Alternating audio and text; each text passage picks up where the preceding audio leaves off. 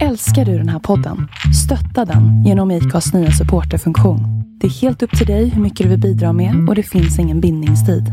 Klicka på länken i poddbeskrivningen för att visa din uppskattning och stötta podden.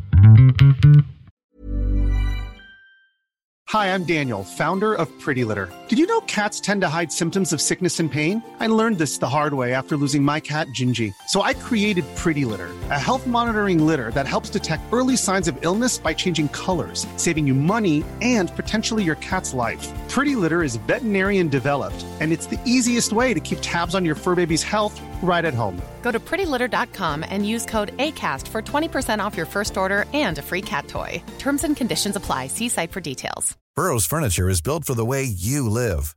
From ensuring easy assembly and disassembly to honoring highly requested new colors for their award-winning seating, they always have their customers in mind. Their modular seating is made out of durable materials to last and grow with you. And with Burrow, you always get fast, free shipping. Get up to 60% off during Burrow's Memorial Day sale at burrow.com slash ACAST. That's burrow.com slash ACAST. burrow.com slash ACAST. Jag heter Linda Hörnfeldt och du lyssnar på We Are Influencers från Influencers of Sweden. Podcasten om och med profilerna du känner till eller borde känna till i sociala medier.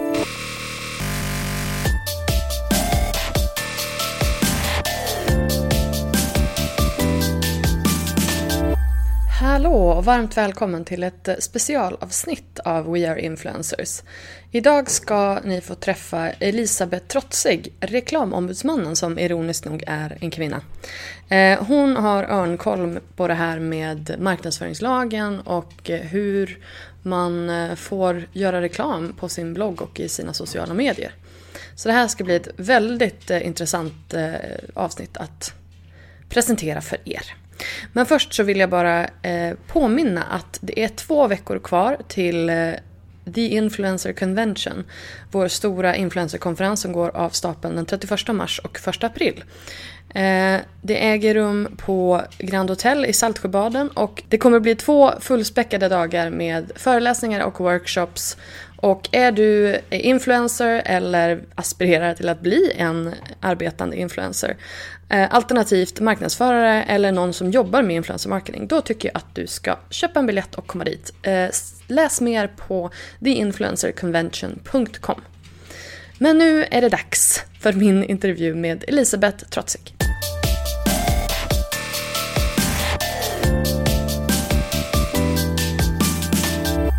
Hej och välkommen till reklamombudsmannen Elisabeth Trotzig. Tack så mycket. Eh, vi sitter här hos eh, dig och på ditt kontor, ett fantastiska kontor här idag. Och eh, tänkte att vi skulle reda ut ett och annat en gång för alla. Ehm, men jag tänker att det här är ju liten, det här är en liten annorlunda intervju i den, i den här podden. Vi har ju oftast med just influencers som faktiskt ska tillämpa de här reglerna. Men, men du, vad, kan du inte berätta, vad gör, vad gör du? Vad gör reklamombudsmannen? Reklamombudsmannen, vi är näringslivets självreglering och vår uppgift är att hålla hög etik i all reklam och marknadskommunikation. Det är vårt uppdrag. Och det gör vi dels genom att ta emot anmälningar från konsumenter, eller från konkurrenter eller från organisationer som reagerar på reklam. Eh, och eh, alla anmälningar vi får in prövar vi, om vi kan, om det, nu är, om det är reklam. Det är bara det vi prövar.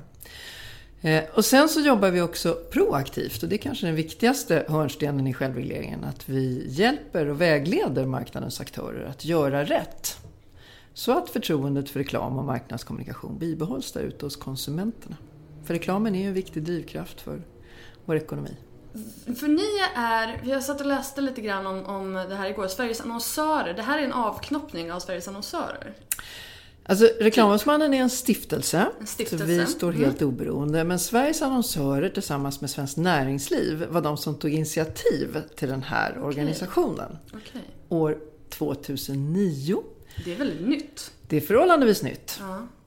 Och eh, det är ju inte nytt med självreglering, det har funnits länge. Och både Sveriges annonsörer och Svenskt Näringsliv har varit värdar för, eh, för prövande eh, nämnder Sveriges annonsörer prövade ehm, könsdiskriminerande reklam eh, under Etiska rådet mot könsdiskriminerande reklam och Svenskt Näringsliv all annan reklam under Marknadsetiska rådet.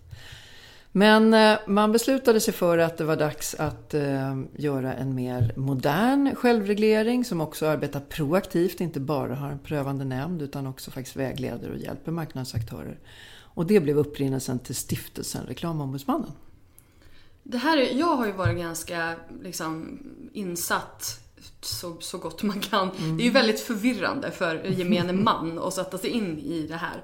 Och man får ju ändå säga att många av influencers och, jobb och bloggare som jag jobbar med, de är ju ändå så privatpersoner.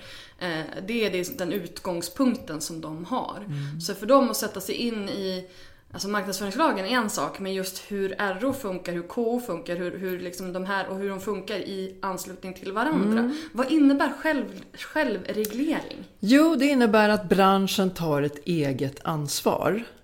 Eh, och gör man det, då behöver vi ju inte ha ytterligare lagstiftning och myndigheter som också ska granska lagstiftningen. Så att man kan säga att det är en win-win för alla. Det är billigare och det är enklare och ett snabbare sätt om, om marknadens aktörer själva gör rätt helt enkelt.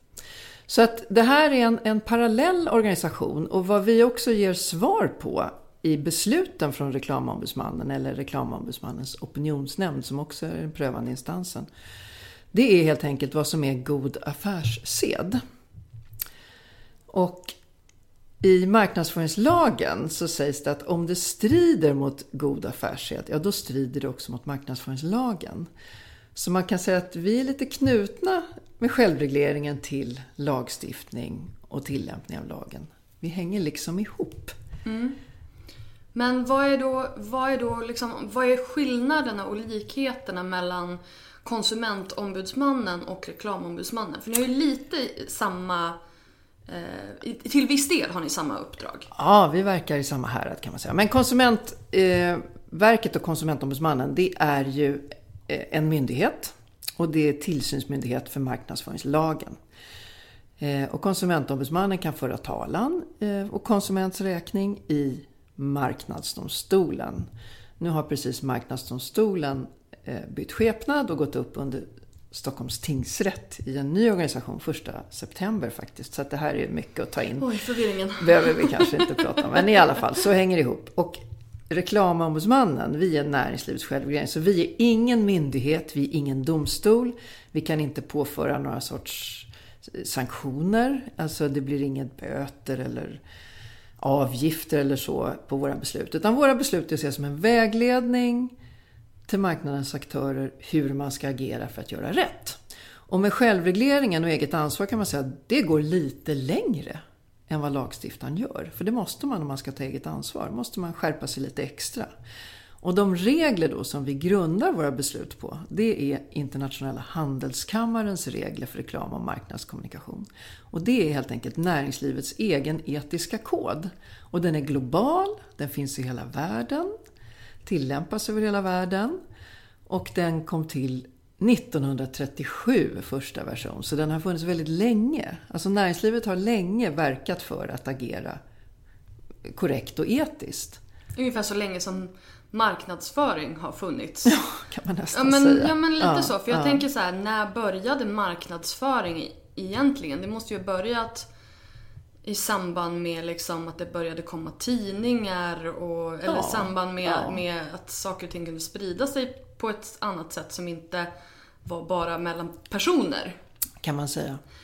Och det nu, bara, nu jag jag spann iväg och bara hmm. Hur länge har vi haft reklam? Ja men typ. Vi har haft alltså, reklam det är, länge. Det är en väldigt intressant frågeställning. Det är en intressant frågeställning. Det har funnits reklam länge naturligtvis. Det har tagit sig olika uttryck. Mm. Men det som sker idag det är ju det är ju en, en otrolig utveckling. För att idag så kan var och en vara sin egen publicist och sin mm. eget, sitt eget medie. Det har blivit demokratiskt på ett annat sätt. Det har blivit demokratiskt, absolut. Ja. och det är globalt. Ett, ja. Men vad är liksom grundstöttepelarna i den här internationella handelskammarens eh, regler? Vad skulle du säga är liksom Ja, men det som är core business är att reklam ska vara laglig naturligtvis. Den ska vara hedlig. Den ska vara vederhäftig, den ska vara sanningsenlig Och den får inte väcka anstöt. Den får inte vara stötande, obehaglig eller diskriminerande på något sätt. Det är liksom de fyra hörnstenarna i... Man ska agera på ett etiskt korrekt Man sätt. ska vara schysst. Man ska vara schysst och man ska respektera mottagaren. Ja. Och det tycker man ju är ganska rimligt. Ja. Eh, Men vem är det då som bestämmer? Alltså, för reklamombudsmannen är ju inte bara du. Det är inte du som sitter Nej, i egen person och gör, bestämmer vilka som har gjort rätt och fel. Nej. Så, så hur fungerar den här? Ni får in en, en, en anmälan. Mm. Och hur går ni tillväga då? Ja, då hör vi av oss till annonsören och så ber vi annonsören och eh, kommentera anmälan, alltså yttra sig som det heter på Så juristspråk. det, det är annonsören, inte publikationen, som får... Jo, alltså så här är det. Annonsören har huvudansvaret. Men alla andra som har medverkat i produktion av ett reklaminslag har ett medverkansansvar. Så när det gäller de här frågorna kanske med om det är tydligt att det är reklam eller inte, ja då hör vi också av oss till mediet. Både annonsören och mediet. Ja, för nu pratar jag ju såklart då om influencers. Ja, Eh, precis. är liksom- och då är mediet i så fall en influencer. Eh, Mediet i det här fallet är ju också den här personen som faktiskt till stor del har skapat reklamen. Ja, producent är man då. Precis. Precis. Ja, I vi har också fall. ett medverkansansvar. Exakt, för att jag tänker att om man Och det är... behöver ju inte vara samma, det kan ju vara någon annan. Såklart. En tredje part. Såklart. Mm. Men jag tänker att när annonsören, om ni i vanliga fall då kontaktar annonsören så är ju oftast annonsören som då tillsammans med en byrå eller någonting har skapat reklamen. Säg att det är en reklamfilm eller någonting. Då, då är ju inte själva mediet så, så intressant egentligen. Eftersom att de inte riktigt är involverade i själva produktionen. Jag förstår att, jag tänker bara vart ni går först liksom. Ja, alltså det beror lite grann på vad, det, vad frågan handlar om. Mm. Alltså är det innehållet i reklamen? Typ könsdiskriminerande Ja, sexistiskt eller om det är när man på, gör något påstående om att eh, det här är, det har en speciell funktion eller det här är det bästa på marknaden eller vad man nu påstår. Då är det i första hand annonsören som vi kontaktar. Men de här frågorna där det är otydligt om det är reklam eller inte, då är det viktigt att man också kontaktar den som förmedlar budskapet. Mm. Nämligen mediet eller influensen eller bloggaren, Precis. Instagramman. Ni har ju hittills gjort, vad jag vet, tre stycken beslut. Är det tre? Ja, vi har nog fler i och för sig, men eh, det är väl några som har fått mer eh, För de jag tänker på det är ju då mot eh, Isabella Löwengrip, Mm. mot Gabriella Jos och Tyra Sjöstedt. Och så har Ja, vi och så Miss Miss. Lisibell, precis, det var fyra. och det var väl det första som fick allra mest genomslag tror jag. Precis. Och det är ju de som då har blivit man säger inte fällda. Jo, säger man säger fällda? att man blir Men det är ingen fälld. dom. Det är ingen dom. Nej, det är ett beslut som vi meddelar och det är meddelat av eh, reklamombudsmannens opinionsnämnd. För det är alltså opinionsnämnden som sätter, som bestämmer kan vi säga, som sätter praxis som det heter på reklam. Och vilka är det? Ja, den nämnden den är sammansatt av eh, 20 ledamöter och de kommer dels ifrån branschen, från reklambranschen, ifrån annonsörssidan eller från medier, men också ifrån den akademiska världen. Och så har vi två representanter från konsumentsidan, från konsumentorganisationer. Okej. Och så leds nämnden av ordförande som heter idag Marianne Åbyhammar och hon är till vardags domare i Svea hovrätt. Och hon har tidigare varit ställföreträdande konsumentombudsman. Sådär ja. Det, är de här små melting pots som finns överallt. Ni har också en pots. sån. Och vice ordförande heter Mikael Pauli och han finns idag på Finansdepartementet där han arbetar med konsumentfrågor och tidigare så var han föredragande i Marknadsdomstolen. Så båda de här ordförandena har ju en bred erfarenhet av marknadsrättsliga området. Men i övrigt så måste man inte vara jurist för att sitta i nämnden. Man, man bara liksom tycker och tänker och känner och har en et. Hur, men hur, väl, hur väljs de här personerna ut? Ja, det finns en, en valnämnd som föreslår kandidater till Alltså, jag skulle- jag reklamombudsmannens skulle behöva ha en styrelse. sån här- en karta. mindmap över det här. karta. Men de utses av reklamombudsmannens styrelse. Okej. Och styrelsen, den består av de företag som var med och stiftade stiftelsen. Nu är det svårt det här. Men det är lite intressant. Men hur, vad är din, din roll i... Du är ju reklamombudsmannen. Alltså, Kan vi också prata om att det heter reklamombudsmannen och konsumentombudsmannen och båda ni två är just nu kvinnor. Ja. Vi kanske ska fundera på att byta namn. Utan, ja. Ehm, Ja, men- jag, tror att, jag tror att vårt, vår organisationen heter Reklamombudsmannen därför att ombudsmannarollen är ganska välkänd. Och det är faktiskt ett ord som vi har exporterat till andra språk. Mm. Ombudsman. Ombudsman. Alltså det, det, det bara blir lite mindfuck Mm. Och det ligger ju i att man, att man är på den, på den svaga sidan kan man säga. Ja, okej. Det är ombudsmannarollen, att Jag hjälpa. förstår. Så att vi finns ju där för att konsumenter faktiskt ska få sina, sina klagomål prövade. Mm. Och det är viktigt. För förtroendet. Ja, det, och jag håller Mm. helt med. Men vad är din personliga roll som reklamombudsman? Ja, men min roll det är ju att, att leda den här verksamheten. Är du VD då? Eller Ja, det kan man säga att jag egentligen är. Men, men min titel är reklamombudsman. Ja, men jag tänker just det här, för att jag är ju väldigt insnöad på det här nu med- bolagsformer, Ja, bolagsfrågor. stiftelser Mm. och föreningar och vad som liksom är vad. Ehm, Ja, jag är ju likställda med en VD. ja, Det okej. kan man säga till. Jag är i alla fall verkställande. Det är du som är grad. boss. Eh, Men om man ska titta på då den här influencerbranschen som har kommit fram, alltså om man ska dra det långt, så de senaste tio åren. Mm. Eh, När, när började, hur, hur länge har du haft din position? Eh, sen 2009, Ja, så i sju år. ja. Men, så du har haft den, det, det du är, Jag är den första. du är, du, och du byts inte ut eller är det här som påven liksom? nej, nej, nej, nej, nej. nej. Hur länge sitter du? Eller Jag har inget, inget tidsmässigt, utan jag sitter tills vidare som det heter. Tills vidare anställd. Tills du blir utkastad Ja. av styrelsen. Så är det. Eller sluta. Eller sluta. Ehm, men då har ju du varit med sen, sen det här drog igång. Ehm, har, du, har du sett liksom förändringar i det här influencerklimatet och an, antalet anmälningar? Hur, hur, hur har det förändrats på sistone? Eh, alltså det här är, tror jag är för många en förhållandevis ny företeelse. Jag själv har ju jobbat i reklam och mediemarknaden i över 30 år. Så att, så att jag har ju sett en annan värld också. Old school-världen. Du har suttit och varit irriterad på sånt här mycket, mycket längre. Nej, absolut inte irritation.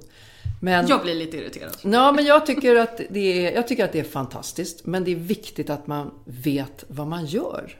Och att man är tydlig med vilken hatt man har på sig, vilken roll man spelar. Därför att det är en skillnad om man uttrycker sina åsikter eller om man gör marknadskommunikation eller gör reklam. Det är kanske är ett enklare ord, reklam. Det förstår alla vad det handlar om. Man får betalt för att säga någonting. Ja, man eh, säger inte sin åsikt utan man får betalt för att säga något. Men om de två går hand i hand då? Vilket de ofta gör i det här fallet. Nej, men det handlar helt enkelt om eh, när blir det reklam? Det kan man ju fundera på. Jo, det blir det när det rör kommersiella förhållanden och det finns ett kommersiellt syfte att avsätta varor och tjänster. Att någon tjänar pengar på det. Ja, men att man faktiskt har för avsikt att sälja någonting. Då hamnar man i den kommersiella världen. Och då är man inte längre skyddad av yttrande och tryckfrihetsgrundlagarna. De är ett väldigt starkt skydd. Vi har ju en fantastisk förutsättning att yttra oss fritt i det här landet. Lite, lite väl mycket i viss mån. Ja, vi har en, en stark yttrande och tryckfrihet och det är fantastiskt. En, en demokratisk eh, grundläggande rättighet. Men när det rör, rör affärer, business, ja då finns det en mängd regler.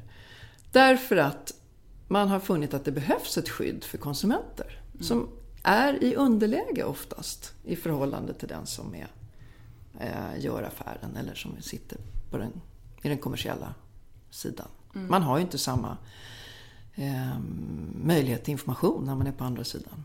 Helt enkelt. Och det är därför det är så, viktigt att man som konsument direkt ska förstå när det är reklam eller inte.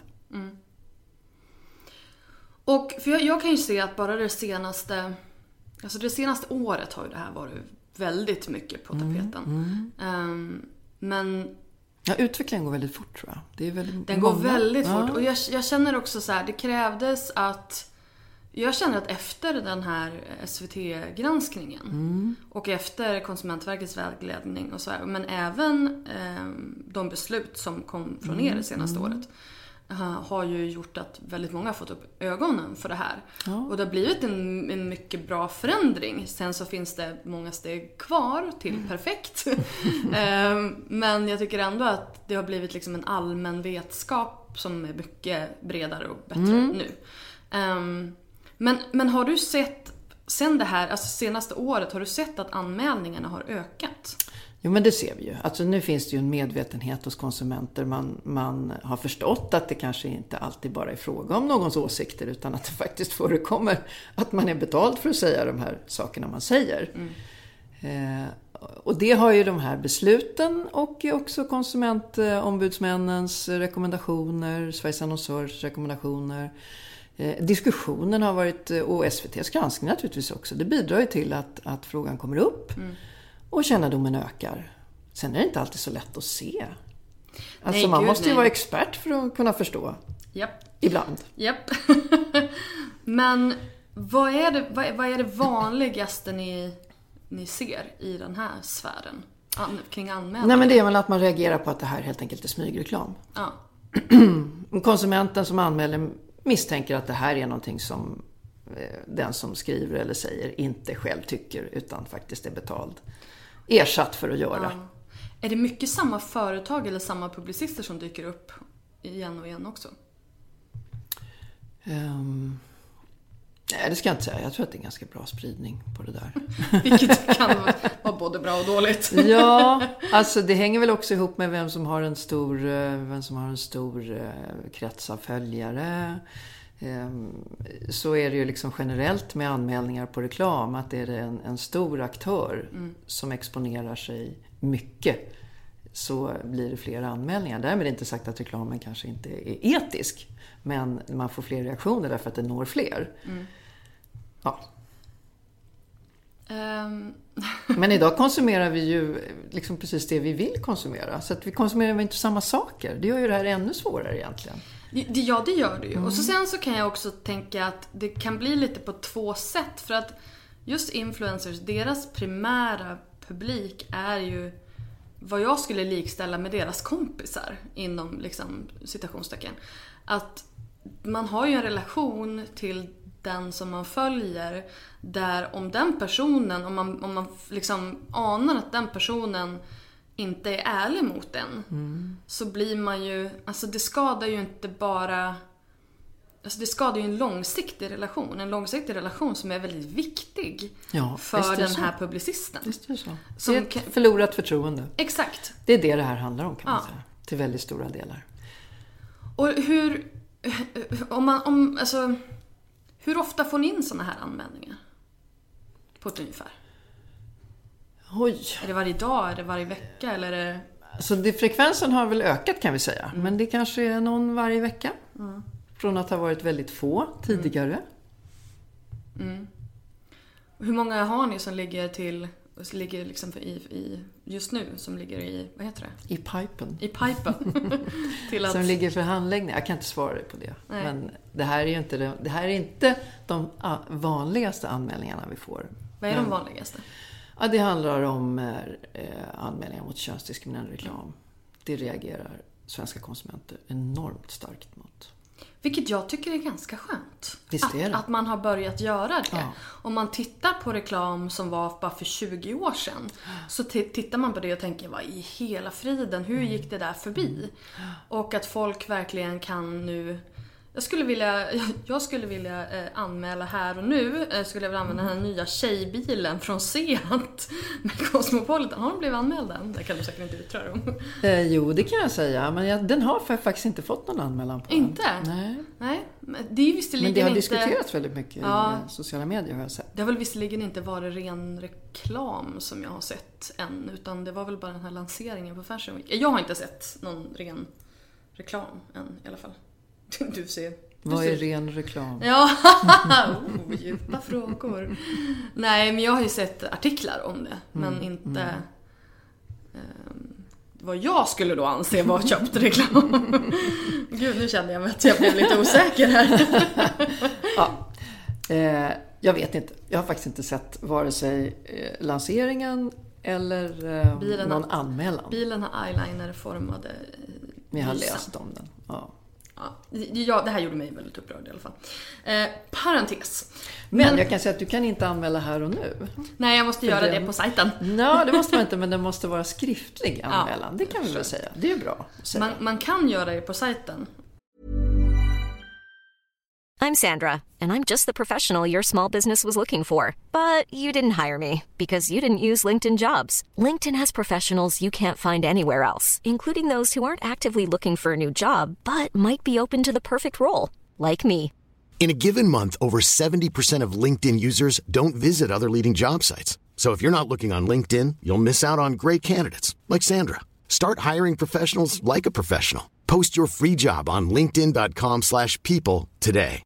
Hi, I'm Daniel, founder of Pretty Litter. Cats and cat owners deserve better than any old-fashioned litter. That's why I teamed up with scientists and veterinarians to create Pretty Litter. Its innovative crystal formula has superior odor control and weighs up to 80% less than clay litter. Pretty Litter even monitors health by changing colors to help detect early signs of potential illness. It's the world's smartest kitty litter. Go to prettylitter.com and use code ACAST for 20% off your first order and a free cat toy. Terms and conditions apply. See site for details. Planning for your next trip? Elevate your travel style with Quince. Quince has all the jet setting essentials you'll want for your next getaway, like European linen, premium luggage options, buttery soft Italian leather bags, and so much more. And is all priced at 50 to 80% less than similar brands. Plus, Quince only works with factories that use safe and ethical manufacturing practices. Pack your bags with high-quality essentials you'll be wearing for vacations to come with Quince. Go to quince.com slash pack for free shipping and 365-day returns. Men om vi ska titta på den här reklammärkningen som ändå är det som är eh, liksom kattens pyjamas, eller vad man ska kalla det. Ja. Hur ska reklamen märkas ut? Alltså jag kan säga så här. Alltså grundregeln är att det ska vara lätt att identifiera ett, ett material som reklam, om det är reklam. Alltså ser det ut som reklam, ja då behöver man kanske inte markera att det är reklam. Och vad betyder det? Att det ser ut som att det är Nej men reklam? om det är en eh, liten, ja, man gör ett påstående och sen finns det en tydlig avsändare, en logotyp kanske från den som eh, står bakom reklamen. Ja, då förstår vi allra flesta konsumenter att det här faktiskt är reklam. Men om det ser ut som ett, ett tidningsartikel eller om det ser ut som en blogg där man skriver om sina egna, sin egen vardag. Då hamnar man i en miljö där det inte är självklart att man direkt förstår att det är reklam när det kommer en passus om, eh, om någonting som man kanske säljer eller eh, gör reklam för, för någons annans räkning. Och då måste man markera det för att tydliggöra för konsumenten att nej men nu blev det reklam här. Och om man ska gå på Konsumentverkets rekommendationer, och det ska man väl så här långt, för det här är faktiskt inte prövat i domstolen. Men snart. Men snart kan det bli. Eh, då säger rekommendationen från Konsumentverket att det ska, vara, det ska stå att det är reklam eller det kan stå annons. Det är de två ord som man tycker är bra signalord för konsumenten att förstå att det här är ett kommersiellt erbjudande. Och det här var ju inte jättepopulärt hos mina medlemmar. Nej, och då kan man fundera på varför det inte är det. Därför att om man säger reklam, eller annons tycker jag, och det tycker jag personligen, en annons för mig, det är en, eh, en bannerannons. Eller det är ett TV, tv-reklamsinslag. Eller det är någonting som någon annan har producerat utan min, min involvering och placerat i min kanal. Ja. Det är för mig en annons. En annons, okej. Eh, men För om, mig är det ett format, faktiskt. Annonsformat. Det kan vara en helsida, det kan vara tv-reklam, det kan vara en banner. Ja, det, det, det men... Utomhusyta. Precis, men jag tror att det som, det som de många har reagerat på det är just det här att de har ju inte, de har ju varit involverade i det här och det är därför många använder just i samarbete med. Nu har folk börjat använda reklamsamarbete på Youtube, vilket jag tycker är jättebra. Reklamsamarbete, för då får man in reklam men ändå att det är ett samarbete. Därför att i, i 95% av fallen eh, så har ju då influencern varit delaktig, om inte helt varit den som har producerat innehållet för den här reklamen. Och då blir det då förstår jag att folk känner så här, ja men om jag skriver annons då känns det som att jag har bara, då har jag bara blaffat in en, en, en reklambild eller liksom en, en, en, en annons. Alltså en, en, hel- då tänker Någon jag hel, hel, ja precis, någon annans producerade Ja, innehåll. En helsidesannons i en tidning till exempel. ja. Och det är också så här, en helsidesannons i en tidning är ju aldrig annonsmärkt. Alltså liksom, nu tänker jag vanlig, om du tänker Glossy magasin och så är, öppnar jag och så är det Damernas Värld och så är det en annons för Dior. Parfym till exempel. Den är ju aldrig annonsmärkt. Nej, och varför tror du inte att den är det? Nej men det är för att vi förstår att det är en Ja, annons. precis. Men det är så här, vart går den gränsen? Mm. För att nu, drar ju, nu dras det mer och mer åt att folk gör typ sådana ser ut som plocksidor eller Ja, collage precis. eller som ser redaktionella ut men kanske har ett annat typsnitt. Mm. Eh, men det är fortfarande inte helt tydligt. Nej. Jag antar att ni får in ganska mycket Ja, sånt här. vi har prövat en hel del och fällt en hel del. Därför att det måste vara tydligt. Mm. Och där är kraven högt ställda kan jag säga. För när man, när man återger reklaminnehåll i ett redaktionellt innehåll då ska det omedelbart framgå att det är reklam enligt ICCs regler, den etiska koden som vi då prövar efter. Så att vi ställer extremt höga krav kan jag säga på det där hos reklamombudsmannen. Men det är ju och just det här ordet omedelbart, Ja. eller att det direkt ska kunna Ja. identifieras. Och det är ju där vi har mycket har diskuterat, eller jag med mina medlemmar och även i de här domarna som, eller besluten som har kommit ja. tidigare. Just det här att många märker ju ut, men de har ju inte gjort det högst upp Nej. i inlägget. Nej. Är det någonting som du känner är så här, är det en enkel, är det en enkel lösning? Så här, märk högst upp. Ja, var tydlig. Var tydlig direkt för man ska lätt kunna identifiera och omedelbart är ganska bra att ha som en Ja. signal i bakhuvudet. Ja. Att du ska inte behöva läsa igenom ett helt Nej. inlägg som Nej. tar kanske menar, ett par minuter att- läsa och så sen längst ner i inlägget så står det det här är ett samarbete med. Nej, för du kanske inte ens läser till slutet Nej, i precis. denna förhållandevis snabba värld vi lever i. Precis. Eller ser färdigt. Alltså, Nej. Nej, men precis. Därför så ska det Ja. framgå direkt. Och där tycker jag ändå att på bloggar, inte alla, men på många bloggar har man Mm. anammat det här. Eh, sen så har man också anammat det på, på YouTube tycker jag ganska bra. Men Instagram. Där är folk verkligen värdelösa på att märka ut. För att då blir det ofta så här, antingen så står det i samarbete med längst ner och i och med att det är en annons så vill ju förmodligen eh, märket ha in ganska mycket text. Vilket betyder att du måste klicka på visa mer för att se hela texten. Och så sen kommer det längst ner. Eller så är det bara typ en hashtag där det står annons. Eller att det står en hashtag med ad längst ner. Vem läser hashtags? Jag gör inte det. Så att Nej. där ser jag mycket room for improvement, om man säger så. Och där ser jag också många alltså, tid, alltså liksom glossary-tidningar, alltså månadsmagasin, som inte märker ut på, på just Instagram. Tycker du jag ska sätta mig och anmäla eller? Eh, nej, men jag tycker absolut att man kan höra av sig. Man kan höra av sig till branschorganisationen också för, eh, för de här magasinen, Sveriges tidskrifter. Mm. Eh, tycker jag är bra att man gör. Man visar att det här inte är okej, helt enkelt. Att branschen faktiskt måste skärpa sig. Ja, för jag tycker inte att det är så... För de borde ju ändå ha koll på, även fast det är en ny kanal, så betyder ju inte det att... Det gör ingen skillnad. Nej, men det gör ju inte det. Nej. Det, det tycker jag är väldigt intressant. När det gäller just sponsring eller när det gäller produktplacering eller sådana saker. Och det här vet jag inte om du kan svara på och den här var inte det jag skickade dig. Eh, Utan det här var en kompis som, som frågade mig bara häromdagen. Så här, vad är det för skillnad på sponsring när det gäller bloggare eller när det gäller ehm, influencers och typ idrottspersonligheter eller produktplaceringar i TV. Alltså hur många gånger har vi sett den där Coca-Cola-burken svepa förbi liksom? Är det här olika länder? Eller Nej, men det är olika om? regler. Okej. kan jag säga. Men sponsring, eh, i den gamla världen, så är sponsring ett sätt att göra en produktion möjlig. Till exempel Volvo sponsrar en operaföreställning. Då gör Volvo det möjligt för Operan att sätta upp den här föreställningen. Men det innebär inte att Volvo står på scenen med en bil i föreställningen. Man har ingen inverkan på själva innehållet. Men man gör själva produktionen möjlig att sponsra ett event, att sponsra en idrottsutövare. Det innebär ju inte att idrottsutövaren ska prata om eh, produkten hela tiden vid varje intervju. Det får, det får personen inte göra kan vi säga Okej. i sponsringsavtal. Så det är sponsring, nämligen att man, att man eh, möjliggör själva produktionen men man har ingen inverkan på innehållet. Intressant. Mycket bra. Men jag kan säga att nu ser vi ju sponsrat ganska ofta som ett, som ett sorts eh, markör för att det faktiskt är fråga om reklam.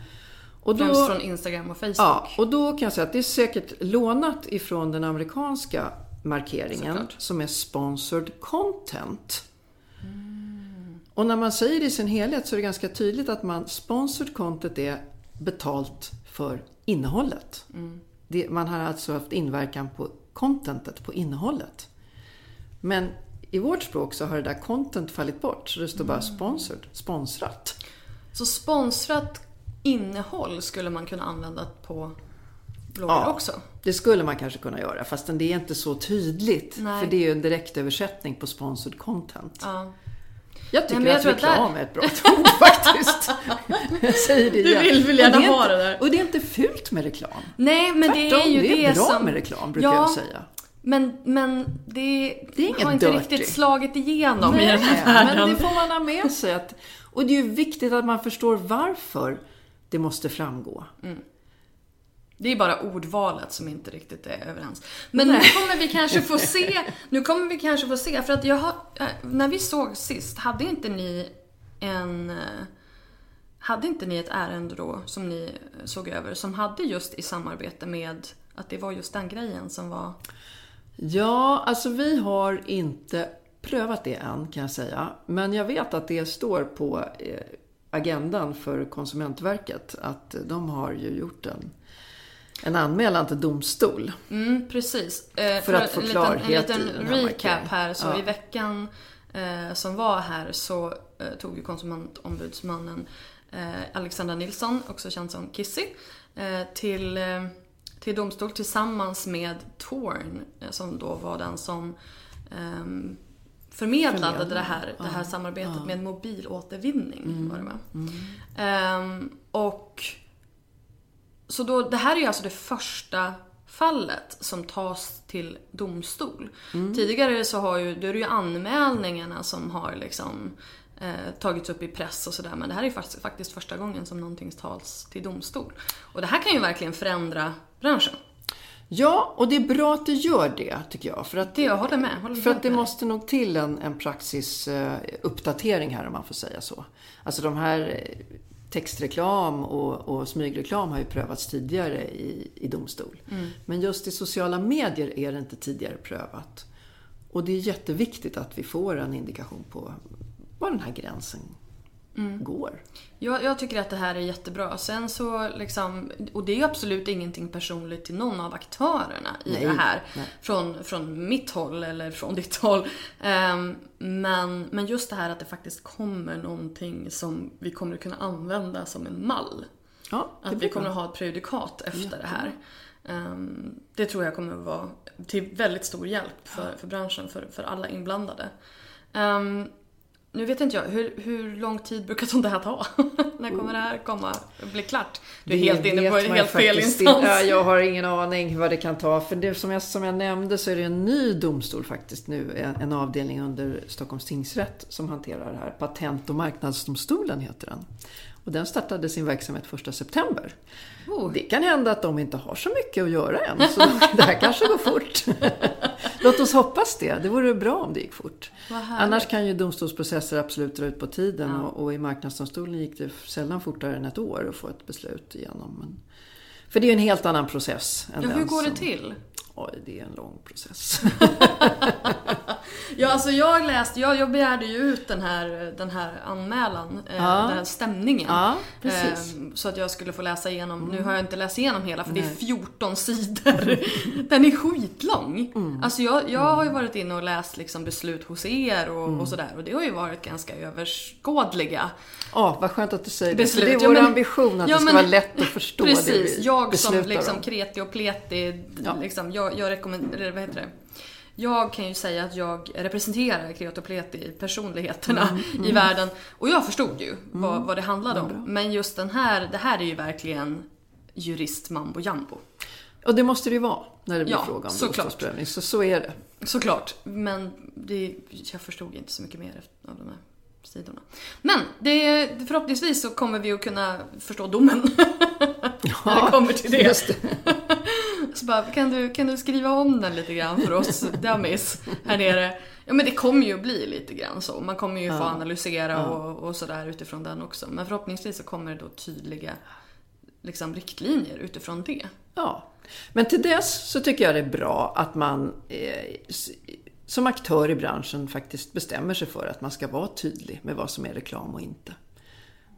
Problemet kan jag också se lite grann i den, just den här branschen är ju som sagt att det är väldigt många olika nivåer på aktörerna. Mm. Många är ju privatpersoner. Alltså, mm. Sen är det så här, vad är en influencer? Vad är en bloggare? Vad, alltså vart går gränserna? Och det är ju inte riktigt, det är ju någonting som jag sitter och försöker nu mm. när jag ska skriva mm. stadgarna till mm. föreningen. så försöker jag nu så här, hur ska vi identifiera, vem får vara medlem? Vem är en influencer? Och det är bara så här, oh, det är ont i huvudet verkligen. För att ja, det, är ju, det är svårt att avgränsa. Det är jättesvårt. För det handlar ju inte om jag vet att när man ska gå med i Sveriges annonsör eller, i, i, Sveriges tidskrifter, då är det ju utgivningsbevis eller det är mm. omsättning mm. eller du vet, det är mm. sådana saker Precis. som man kan ta på. Men när det gäller influencers, då är det ju verkligen, du kan ju vara en stor influencer och inte tjäna en spänn. Absolut. Eh, så att, ja, den är lite svår. Mm. Eh, Men det viktiga är att influencern själv vet. Ja, att man tar sitt eget ansvar. Ja, att man vet vad man gör. Mm.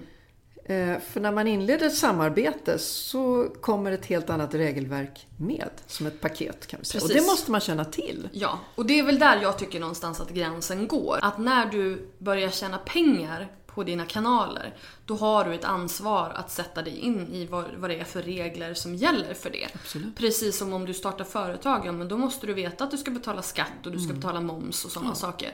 Det är, inte, det är inte någon som kommer att komma och peta på dig en gång om året och bara du, du vet att du måste göra det här va? Det måste man hålla koll på. Mm. Precis som man måste hålla koll på de här grejerna när man ska arbeta som influencer. Ja, och man måste faktiskt också ha koll på marknadsföringslagen i sin helhet. Därför att det man säger kan få konsekvenser.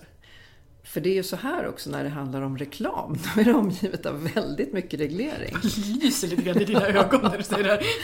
ja, men jag tror inte att man riktigt förstår vilken arena man spelar på. Nej. När man går in i det. Det känns enkelt. Härligt, jag, får, jag kan tjäna lite pengar på att jag har en stor eh, krets som följer mig. Men med det kommer ett stort ansvar när man gör reklam. Och det är också så här att det man påstår, det måste vara korrekt. Och det är den som påstår det, nämligen du då som influencer, som ska visa att det förhåller sig så, att det är sant. Du har bevisbördan som det heter på juristspråk. Det är alltså inte annonsören?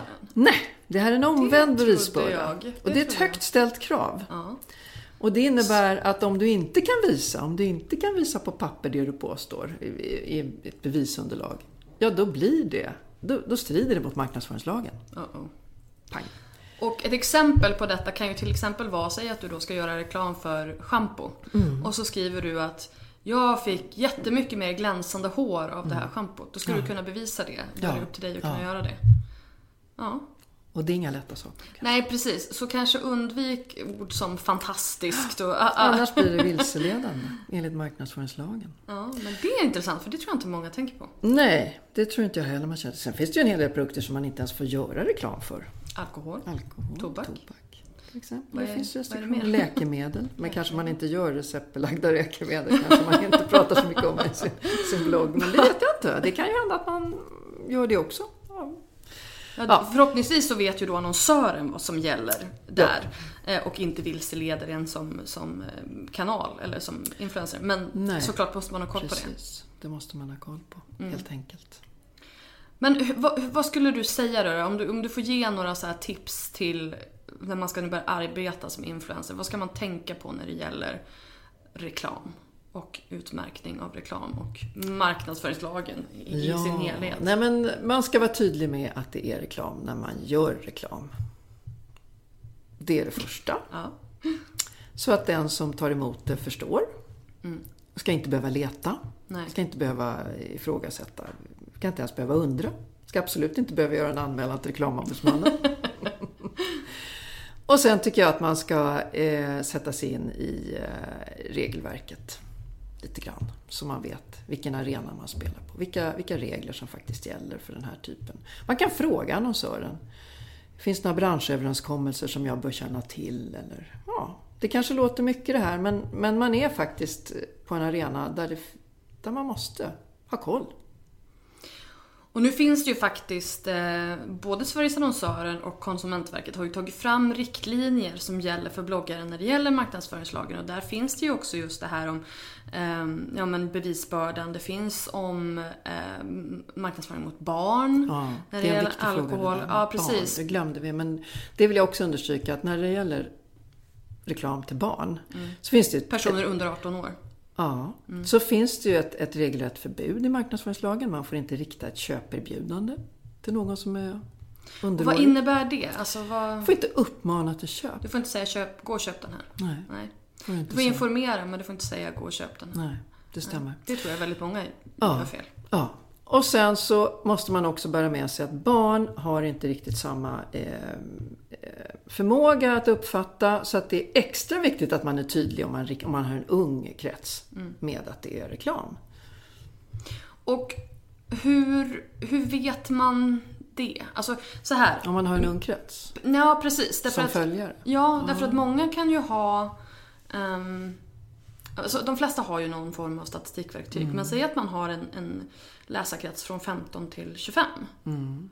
Är det då någon procentsats? Eller hur, hur avgör man då vem, vem ens primära målgrupp är? Ja, man kan väl säga att om det i huvudsakligen är 15-åringar, då riktar man sig nog till underåriga. Men där är det lite så här om det är... Vad, jag för mig jag läste det här någonstans. Om det är mer än 75% Ja, som är det över kan jag säga 18. ganska rimligt Så någonstans. då jag kan vet man räkna det det som... en exakt. Ja, jag har för mig att det stod i de där riktlinjerna men jag är inte helt säker. Ehm, för det är ju en sån där grej som... Ja, ja, men jag har ju en väldigt bred målgrupp så Mm. hur ska jag kunna veta det? Eh, jag är så här bara, håll dig borta från köpuppmaningar då. Du, du kan ju fortfarande göra reklam. Ja, men du får det inte göra köpuppmaning. Och du får inte göra reklam överhuvudtaget mot barn under 12 år. Eller gäller det fortfarande bara TV och... och I TV, som är sänd från Sverige. ja, just det, gäller det är därför femman och de här har. Mm, de sänder från England och där är andra regler. Så det är därför man fortfarande ser barnreklam i Sverige. eh, Ja, även fast den här regeln finns. Mm. Snitsigt att de har gått runt den. Mm. Sa hon med lite sarkastisk ton. Nej, men det är ju viktigt att understryka att man måste iaktta särskild aktsamhet kan man säga när man riktar sig till barn Mm. med reklam. Budskap. Precis. Och alkohol får It's a man... no-no. Ja, Inte det, under 25 år. mm, 25 år så måste, måste majoriteten då vara av, vara av ens målgrupp. Och, och där, jag gjorde ju ett... Jag förmedlade ett samarbete eh, som var ett, för, ett, för ett vinföretag. Och jösses Amalia vilka... Alltså vi, vi var ju väldigt noga med att följa allting. Men då är det så att eh, bilden får inte... Man får inte ha flaskan och ett glas i samma bild. Det får inte vara, det får inte vara mysigt. Nej. Och säga till en bloggare att du får inte ta en mysig bild, men det ska vara ett mysigt inlägg. Och de bara, eh, Men det gick. Men det var, lite, man fick, det var lite fram och tillbaka. Men det var ändå så här, det går ju att, det går att göra det. Men det är väldigt viktigt att man följer de regler som finns. Ja. Och sen ska man också tänka på att alkohol får man inte ge bort i marknadsföringssyfte. Nej. Så att du får inte ge bort, alltså får du ett bud med vin, det, f- det får de inte skicka. Liksom. Och det här händer ju hela tiden. Och det här tror inte jag folk vet. Ehm, alltså mottagarna. Att de inte får, eller liksom de kom, alltså det, hand, det har ju ingenting att göra med dem. De kommer inte att råka illa ut för att de tar emot ett bud som är alkohol. Men det är ändå bra att veta för det är lite så här: är de seriösa eller inte? Har de koll på sina lagar eller inte? Så får du ett bud med vin, då, då har de brutit mot alkohollagen. Liksom. Precis, då kan man redan där kanske. Då kan man lite så här, ah, okej, vill jag ha med de här att göra eller inte? Eller tummar de bara för det för att de, för att de kan? Ehm, men hur är det där? För att där är det ju lite så här, nu går jag lite bortom, bortanför här, men eh, alkoholmärken sponsrar ju ofta saker med dryck. Det förekommer nog. Men jag kan inte reglerna för det. Hur Nej. de får göra det faktiskt. Okej, okej. Så jag är inte rätt person att Nej, men då ska, jag, då ska jag sluta dra iväg med mina tankar och frågor. Ehm, jag tror inte jag har några fler frågor. Har du någonting mer som du känner att du Nej, vill lägga till? Jag tror att till? jag var tydlig med mitt budskap. Jag tycker det också. Tack snälla Elisabeth för att du var med. Tack för att jag fick vara med.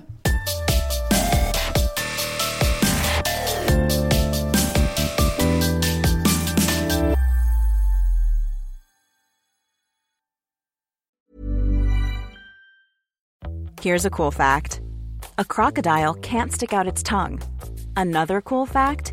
You can get short term health insurance for a month or just under a year in some states. United Healthcare short term insurance plans are designed for people who are between jobs, coming off their parents' plan, or turning a side hustle into a full time gig. Underwritten by Golden Rule Insurance Company, they offer flexible, budget friendly coverage with access to a nationwide network of doctors and hospitals. Get more cool facts about United Healthcare short term plans at uh1.com. Hey, it's Danny Pellegrino from Everything Iconic. Ready to upgrade your style game without blowing your budget? Check out Quince. They've got all the good stuff shirts and polos, activewear, and fine leather goods, all at 50 to 80% less than other high end brands. And the best part? They're all about safe, ethical, and responsible manufacturing. Get that luxury vibe without the luxury price tag. Hit up quince.com slash upgrade for free shipping and 365 day returns on your next order. That's quince.com slash upgrade.